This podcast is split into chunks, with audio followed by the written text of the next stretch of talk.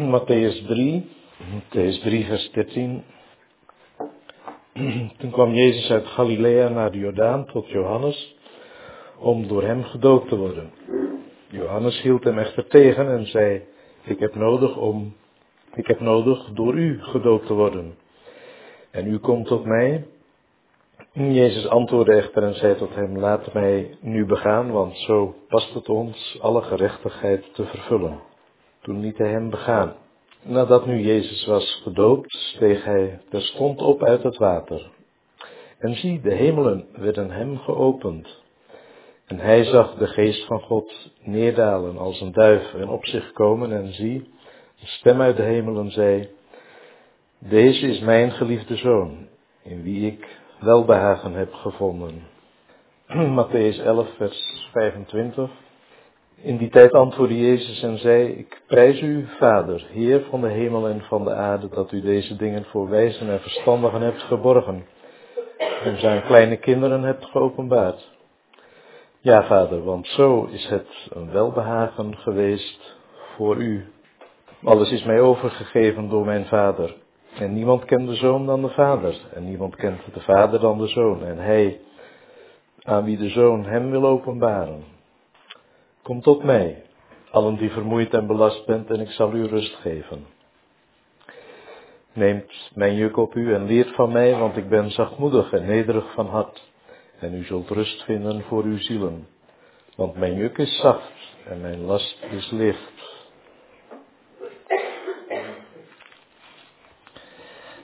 Hoofdstuk 12, vers 15.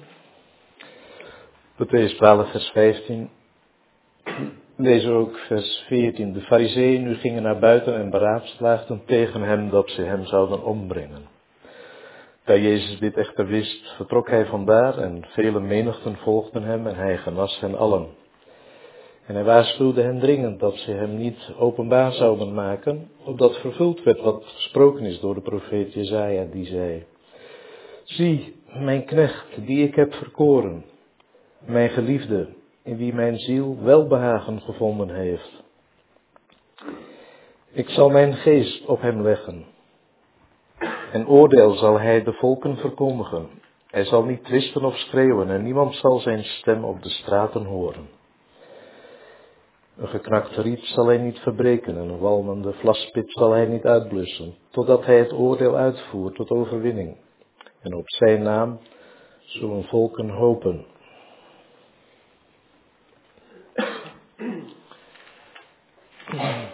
En uit hoofdstuk 17.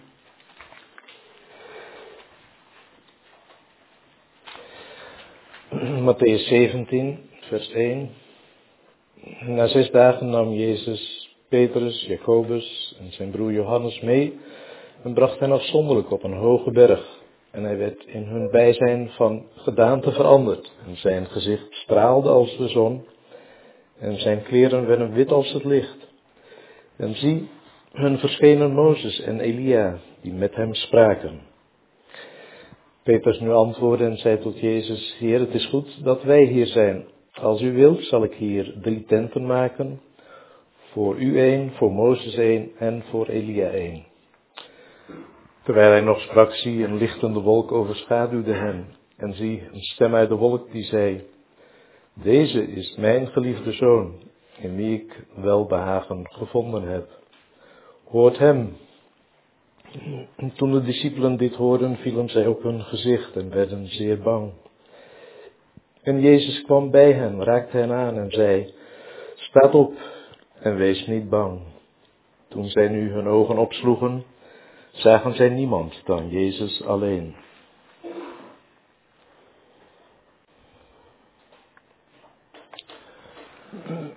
Dan nog iets uit Efeze 1. De brief aan de Efeziërs. Efeze 1 vers 5. God heeft ons tevoren door Jezus Christus tot het zoonschap voor zichzelf bestemd, naar het welbehagen van zijn wil, tot lof van de heerlijkheid van zijn genade, waarmee hij ons begenadigd heeft in de geliefde, in wie wij de verlossing hebben door zijn bloed, vergeving van de overtredingen, naar de rijkdom van zijn genade. Tot zover de schriftlezing. We hebben in ons lied gezongen over de rijkdom van de naam van de Heer Jezus. Zijn naam is onnaspeurlijk in zijn grootte en in zijn rijkheid, in zijn heerlijkheid. Onnaspeurlijk blijft die naam in zijn glans en rijkdom samen. Vanmorgen hebben we ook gedacht aan de heerlijkheid van de persoon van de Heer in het oog van God, de Vader. O Vader, één is boven allen het voorwerp van uw welgevallen. En als wij iets zien van de heerlijkheid van de persoon van de Heer, dan hebben wij gemeenschap met God de Vader. Dan delen wij in de gedachten die God de Vader heeft over zijn Zoon. Dan delen we in de bewondering die de Vader heeft voor de Heer Jezus. En de Vader heeft in alle omstandigheden in zijn Zoon hier op aarde zijn welgevallen gevonden, zijn welbehagen. Welbehagen, dat is een woord dat we niet zoveel gebruiken, maar ik meen dat in de Franse vertaling staat bon plaisir, en dan heb je dus het woord plezier, plezier, en dat is wat alledaagse. En dan zie je dus dat, zoals een vader plezier heeft in zijn zoon, dat dat in veel uh, hogere zin geldt voor God de Vader die alles wat hem vreugde geeft, uh, gevonden heeft in de Heer Jezus. En we weten dat dat eigenlijk zo van alle eeuwigheid geweest is, want de Heer Jezus was als een troetelkind bij hem, een voedsterling. Staat er in de oude vertaling. En Spreuk 8 zegt ook dat God zijn vermakingen vond. Zijn vreugde, zijn welgevallen in de zoon die als een kind in zijn schoot was. En dat is toen de Heer Jezus mens werd, toen hij vlees en bloed heeft aangenomen en hier op aarde kwam in vernedering, is dat niet veranderd. We hebben daar een aantal plaatsen over gelezen en het is leerzaam voor ons, denk ik, om daarover na te denken en te zien hoe dat ook een voorbeeld voor onszelf kan zijn als gelovigen. Want dat is, denk ik, toch wel een les die we uit die gedeelte mogen halen. We hebben in Efeze 1 gelezen dat wij als kinderen van God begenadigd zijn in de geliefde en bestemd zijn tot het zoonschap voor God de Vader, naar het welbehagen van zijn wil, tot lof van de heerlijkheid van zijn genade. En is het geen wonder van genade dat God, om zo te zeggen, ook in ons als zijn kinderen een welgevallen kan vinden. Een welbehagen. Dat we ons zo gedragen, dat we zo leven, dat we die dingen doen en zeggen die God, om zo te zeggen, plezier geven. Waarop hij, waarmee hij blij kan zijn, waarmee hij tevreden is. Het eerste voorval is in Matthäus 3 bij de doop van de Heer Jezus in de Jordaan. Waar de Heer Jezus zich voegt bij de dopelingen die door Johannes, zijn heraut, zijn voorloper, werden ondergedompeld. Dat was de doop van bekering. En Johannes die realiseerde zich wel toen de Jezus bij hem kwam, dat de Heer Jezus heel iemand anders was dan al die zondige mensen, dan al die slechte mensen die hij uh, moest dopen en die zich wilde bekeren van hun verkeerde leven, die een nieuw leven wilde beginnen. We lezen dat, allerlei, dat er allerlei slag van mensen bij Johannes kwamen en voor iedereen had hij een woord, ook voor soldaten en voor alle mogelijke mensen. Maar van Heer Jezus heeft Johannes gezegd, weet niet of dat bij deze gelegenheid geweest is, in Johannes 1, zie het lam van God dat de zonde van de wereld wegneemt. Het is niet helemaal duidelijk of dat dezelfde gelegenheid geweest is de, bij de doop van de Heer. In elk geval, Johannes was zich ervan bewust dat de Heer Jezus geen zondaar was, zoals alle andere Israëlieten. En daarom protesteerde hij eigenlijk toen de Heer bij hem kwam met dat verzoek om door Johannes gedoopt te worden. Ik heb nodig door u gedoopt te worden, zegt Johannes. En u komt tot mij. Maar de Heer antwoordde en zei tot hem, laat mij begaan, want zo past het ons, zo betaamt het ons alle gerechtigheid te vervullen. En toen heeft Johannes de Doper daarmee ingestemd en heeft hij de Heer Jezus ook gedoopt in het water van de Jordaan. Wat betekent dat? Dat de Heer zegt, zo betaamt het ons alle gerechtigheid te vervullen. Het was de wil van God dat de Heer Jezus hier op aarde kwam en dat Hij zich voegde bij dat berouwvolle overblijfsel van zijn volk voor wie Hij gekomen was. Om hun zonden en ongerechtigheden op zich te nemen. Het was de wil van God en alle gerechtigheid vervullen. Dat zou je ook zo kunnen weergeven. De, te doen wat recht is in het oog van God. Zijn wil te doen, zijn wil te vervullen. Die goed en heilig is, die rechtvaardig is. Heer Jezus was gekomen voor zondaren. Hij was ook hij is ook voor u en voor mij gekomen. Hij heeft zich gevoegd bij deze mensen die te midden van het volk Israël door Johannes als een groep apart waren gezet. Hij wilde voor hen lijden en sterven en zo wilde de Heer ook voor ons komen en voor ons lijden en sterven en onze plaats innemen. En de doop die de Heer hier ondergaat, kun je misschien ook zien als een heenwijzing naar het kruis. Waar de Heer onderging in die vreselijke dood, oordeelsdood. Moet met een doop gedoopt worden, zegt de Heer, met het oog op het kruis leiden. En hoe benauwt het mij maar nadat de Heer Jezus gedoopt is, dan gaat de hemel open. Hij steeg terstond op uit het water en zie, de hemelen werden hem geopend. En hij zag de geest van God neerdalen als een duiven op zich komen. En zie een stem uit de hemel zei, deze is mijn geliefde zoon, in wie ik welbehagen heb gevonden. De hemel ging open om duidelijk te maken dat deze dopeling, die ondergegaan was in het water van de Jordaan en weer uit het water was opgekomen, dat deze dopeling niet zo was zoals al die andere Israëlieten. Hij was geen zondaar.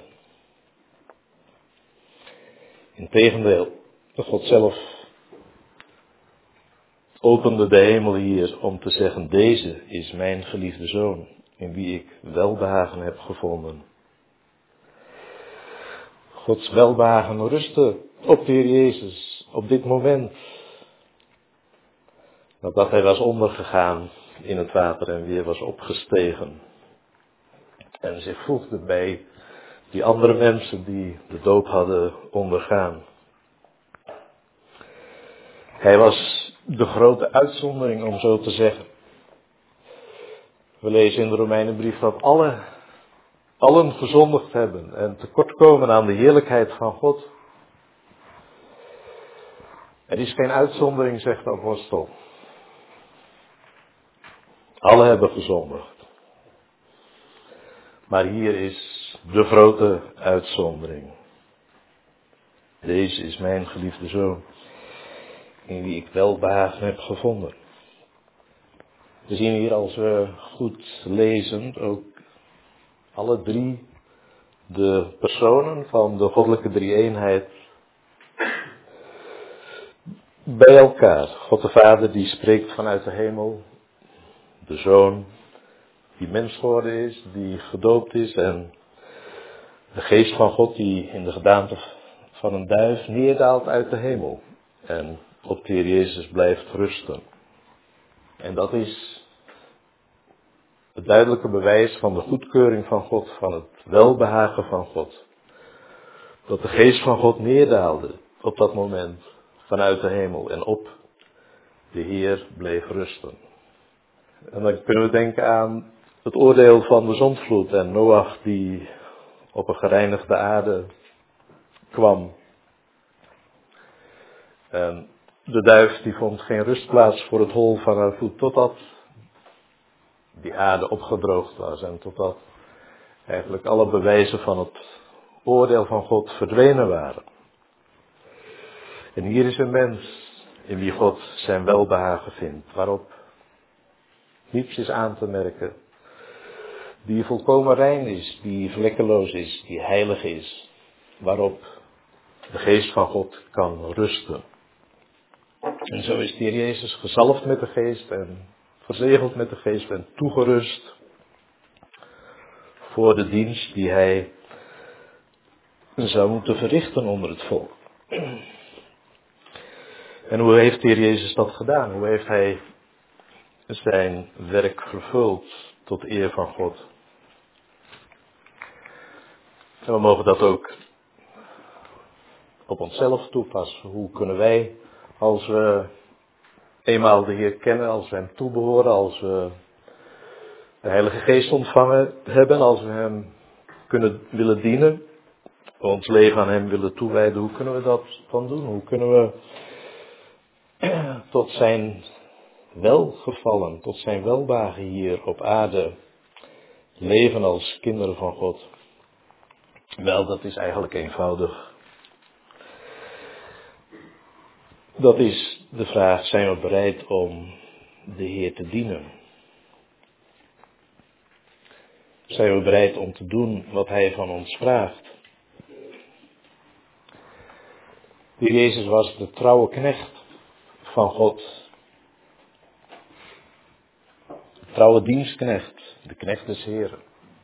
Hij was bereid om alles te doen wat God van hem vroeg. En we lezen in de profetie over de knecht des Heren dat hij elke morgen als het ware wachtte op het woord van de Heer.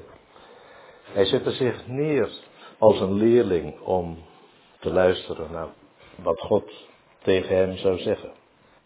Elke morgen opent hij mij het oor opdat ik geleerd word Zoals dat gebeurt met een leerling.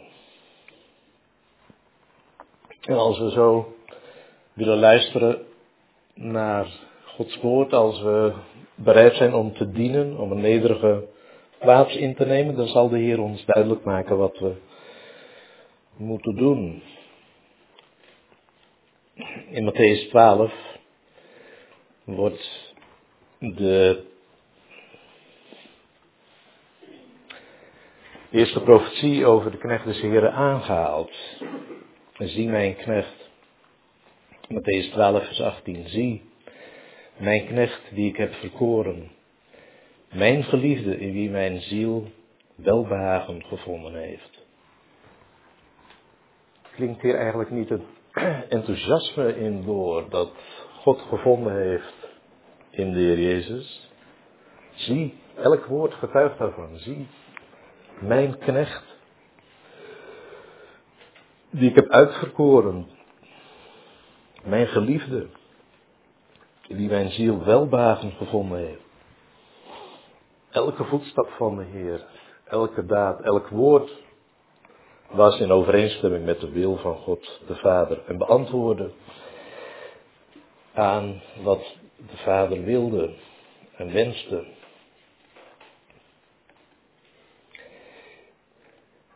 Zie mijn knecht.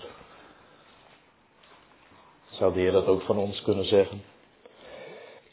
Mijn geliefde in wie mijn ziel welbehagen gevonden heeft, ik zal mijn geest op hem leggen. En wij hebben de Heilige Geest ontvangen. Opdat de Geest ons zou kunnen leiden op onze wegen en bij wat we doen. Opdat datgene wat er van ons uitgaat een vreugde zou zijn voor het hart van God de Vader, tot zijn welbehagen zou zijn. Wij zien hier een heel andere situatie dan in uh, Matthäus 3 toen de Heer aan het begin van zijn dienstwerk stond. Hij is hier in Matthäus 11 en 12 al degene die verworpen is door zijn volk.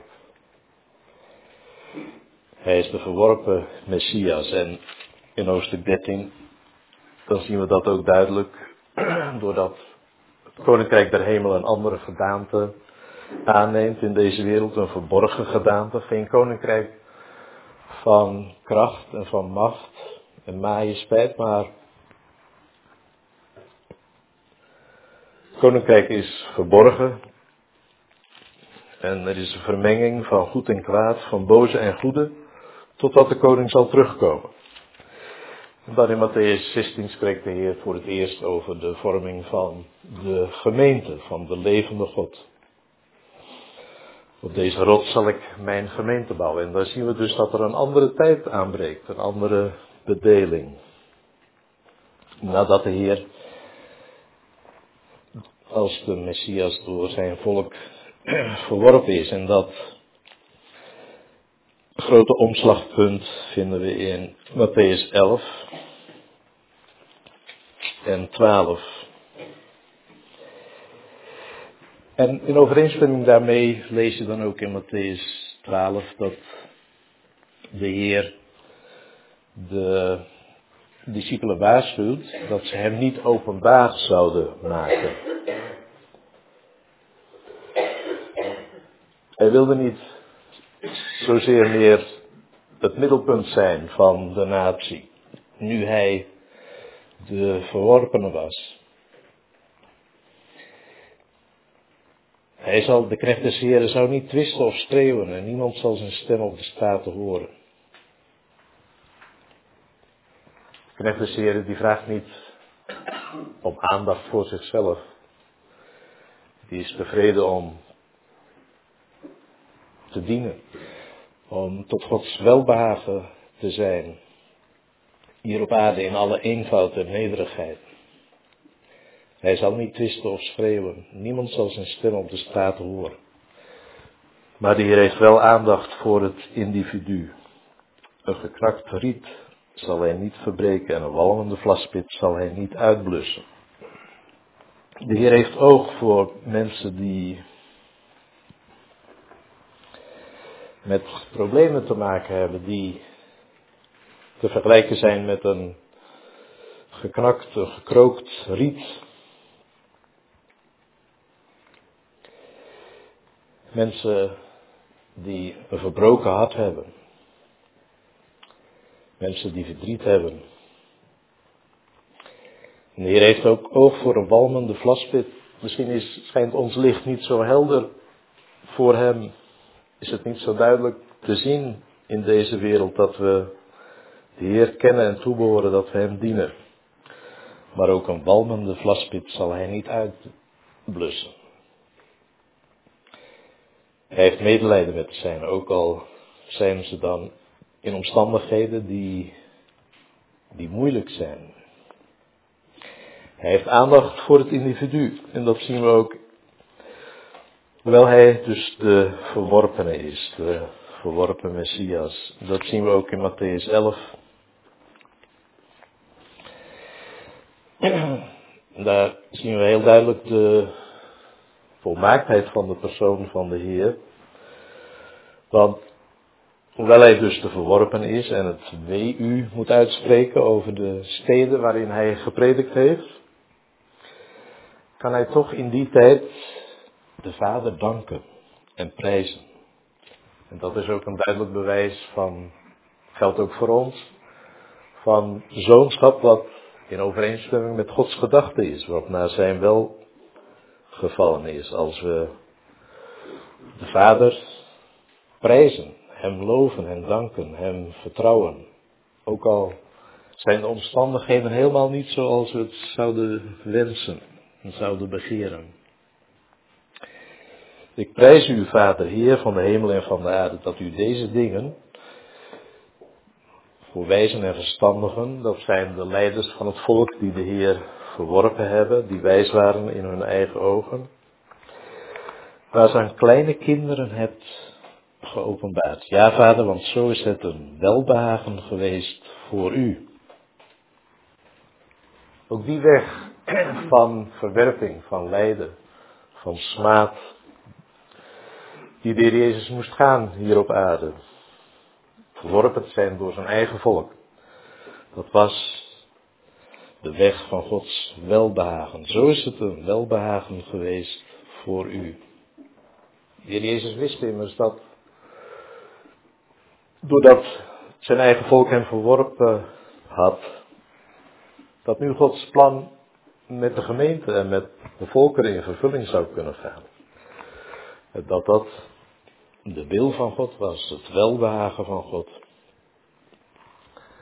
We hebben vanmorgen gedacht aan 1 Korinthe 2 dat de leiders van het volk de Heer der heerlijkheid gekruisigd hebben. Als ze geweten zouden hebben wie hij was, zouden ze dat niet gedaan hebben. Maar het moest zo gaan. Het was de wil van God. Het was zijn welbehagen. Zo is het een welbehagen geweest voor u. En dan richt de Heer zich op het individu, op al diegenen. Zowel uit Israël als uit de volken die tot hem zouden willen komen. Allen die vermoeid en belast zijn, kom tot mij. Allen die vermoeid en belast zijn, en ik zal u rust geven. Neemt mijn juk op u en leert van mij, want ik ben zachtmoedig en nederig van hart.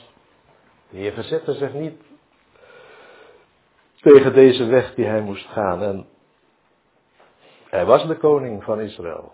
Hij was de beloofde Messias. Hij kwam met alle bewijzen daarvan te midden van het volk. Het was geen kleinigheid dat hij verworpen werd, dat hij aan de kant geschoven werd. Maar toch, volkomen onderworpen aan de wil van de Vader. Ik prijs u, Vader. Ja, Vader. Het is niet eenvoudig om dat steeds te zeggen, in welke omstandigheden we ook verkeren. En als we discipelen, volgelingen van de Heer geworden zijn, dan mogen we van Hem leren. Mogen we diezelfde geest diezelfde gezindheid van hem leren. Leert van mij, want ik ben zachtmoedig en nederig van hart. U zult rust vinden voor uw zielen. Ook rust in de weg die de Heer ons doet gaan. Mijn juk is zacht, mijn last is licht. Wat Hij aan ons oplegt is niet zo als het harde juk van de fariseeën. De last die Mozes aan het volk oplegt de last die de Heer aan ons oplegt, die is zacht. Mijn juk is zacht, mijn last is licht. En zo zijn we volgelingen van Hem geworden. Volgelingen van Hem die door de wereld, door het Joodse volk en door de Romeinse wereld ook de verworpen is. buitengeworpen, verhoogd aan het kruishout, weg met Hem. Wij willen niet dat deze koning over ons is. Die Heer behoren wij toe. En als we Hem in alle eenvoud volgen en dienen, dan kunnen we toch in ons leven hier als volgelingen van Hem, leven tot eer van de Heer en tot verheerlijking van God de Vader. Kunnen we toch als broeders en zusters, als gelovigen, tot Gods welbehagen zijn. Ook al zijn we vreemdelingen en bijwoners op aarde, ook al zijn, delen we in de verwerping van de Heer Jezus, God kan ook in ons zijn welbehagen vinden als we in overeenstemming met zijn woord en naar zijn gedachten leven. En dan Matthäus 17, daar vinden we weer een heel ander toneel. Geen toneel van verwerping. Zou je zeggen, maar eigenlijk een voorsmaak van de heerlijke toekomst.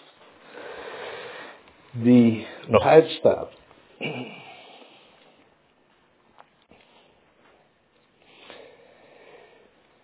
De verheerlijking op de berg waar de Heer Jezus voor de, het oog van zijn discipelen van gedaante veranderd werd. Zijn gezicht straalde als de zon, zijn kleren werden wit als het licht. Petrus die zei, die zag hoe Mozes en Elia met de Heer spraken en die zei, Heer het is goed als wij hier zijn, als u wilt zal ik hier drie tenten maken, één voor u, voor Mozes één en voor Elia één. Hij stelde wel de Heer op de eerste plaats. Maar de Heer is zo uniek, zo bijzonder, dat hij toch niet op één lijn met, deze, met Mozes en Elia, met deze grote godsmannen, kan worden geplaatst. In Matthäus 3 hebben we gezien dat de Heer Jezus zich voegde bij die berouwvolle zondaren. Maar hij was geen zondaar. De hemel ging open en getuigde daarvan. Deze is mijn zoon, de geliefde. En hier zie je eigenlijk iets soortgelijks gebeuren als mensen die Jezus op één lijn met anderen willen plaatsen. Ook al zijn het dan grote godsmannen zoals Mozes en Elia. Dat kan niet. Dat is een vergissing. Dan gaat de hemel, om zo te zeggen, weer open. Een lichtende wolk. Dat is de wolk van Gods tegenwoordigheid die overschaduwde hen. En zie een stem uit de wolk die zei, deze, deze is. Niet Mozes, die Israël de wet gegeven heeft. Niet Elia, die het volk heeft teruggebracht tot de wet. Maar deze, in wie genade en de waarheid geworden is. Deze is mijn geliefde zoon, in wie ik welbehagen gevonden heb. Hoort hem.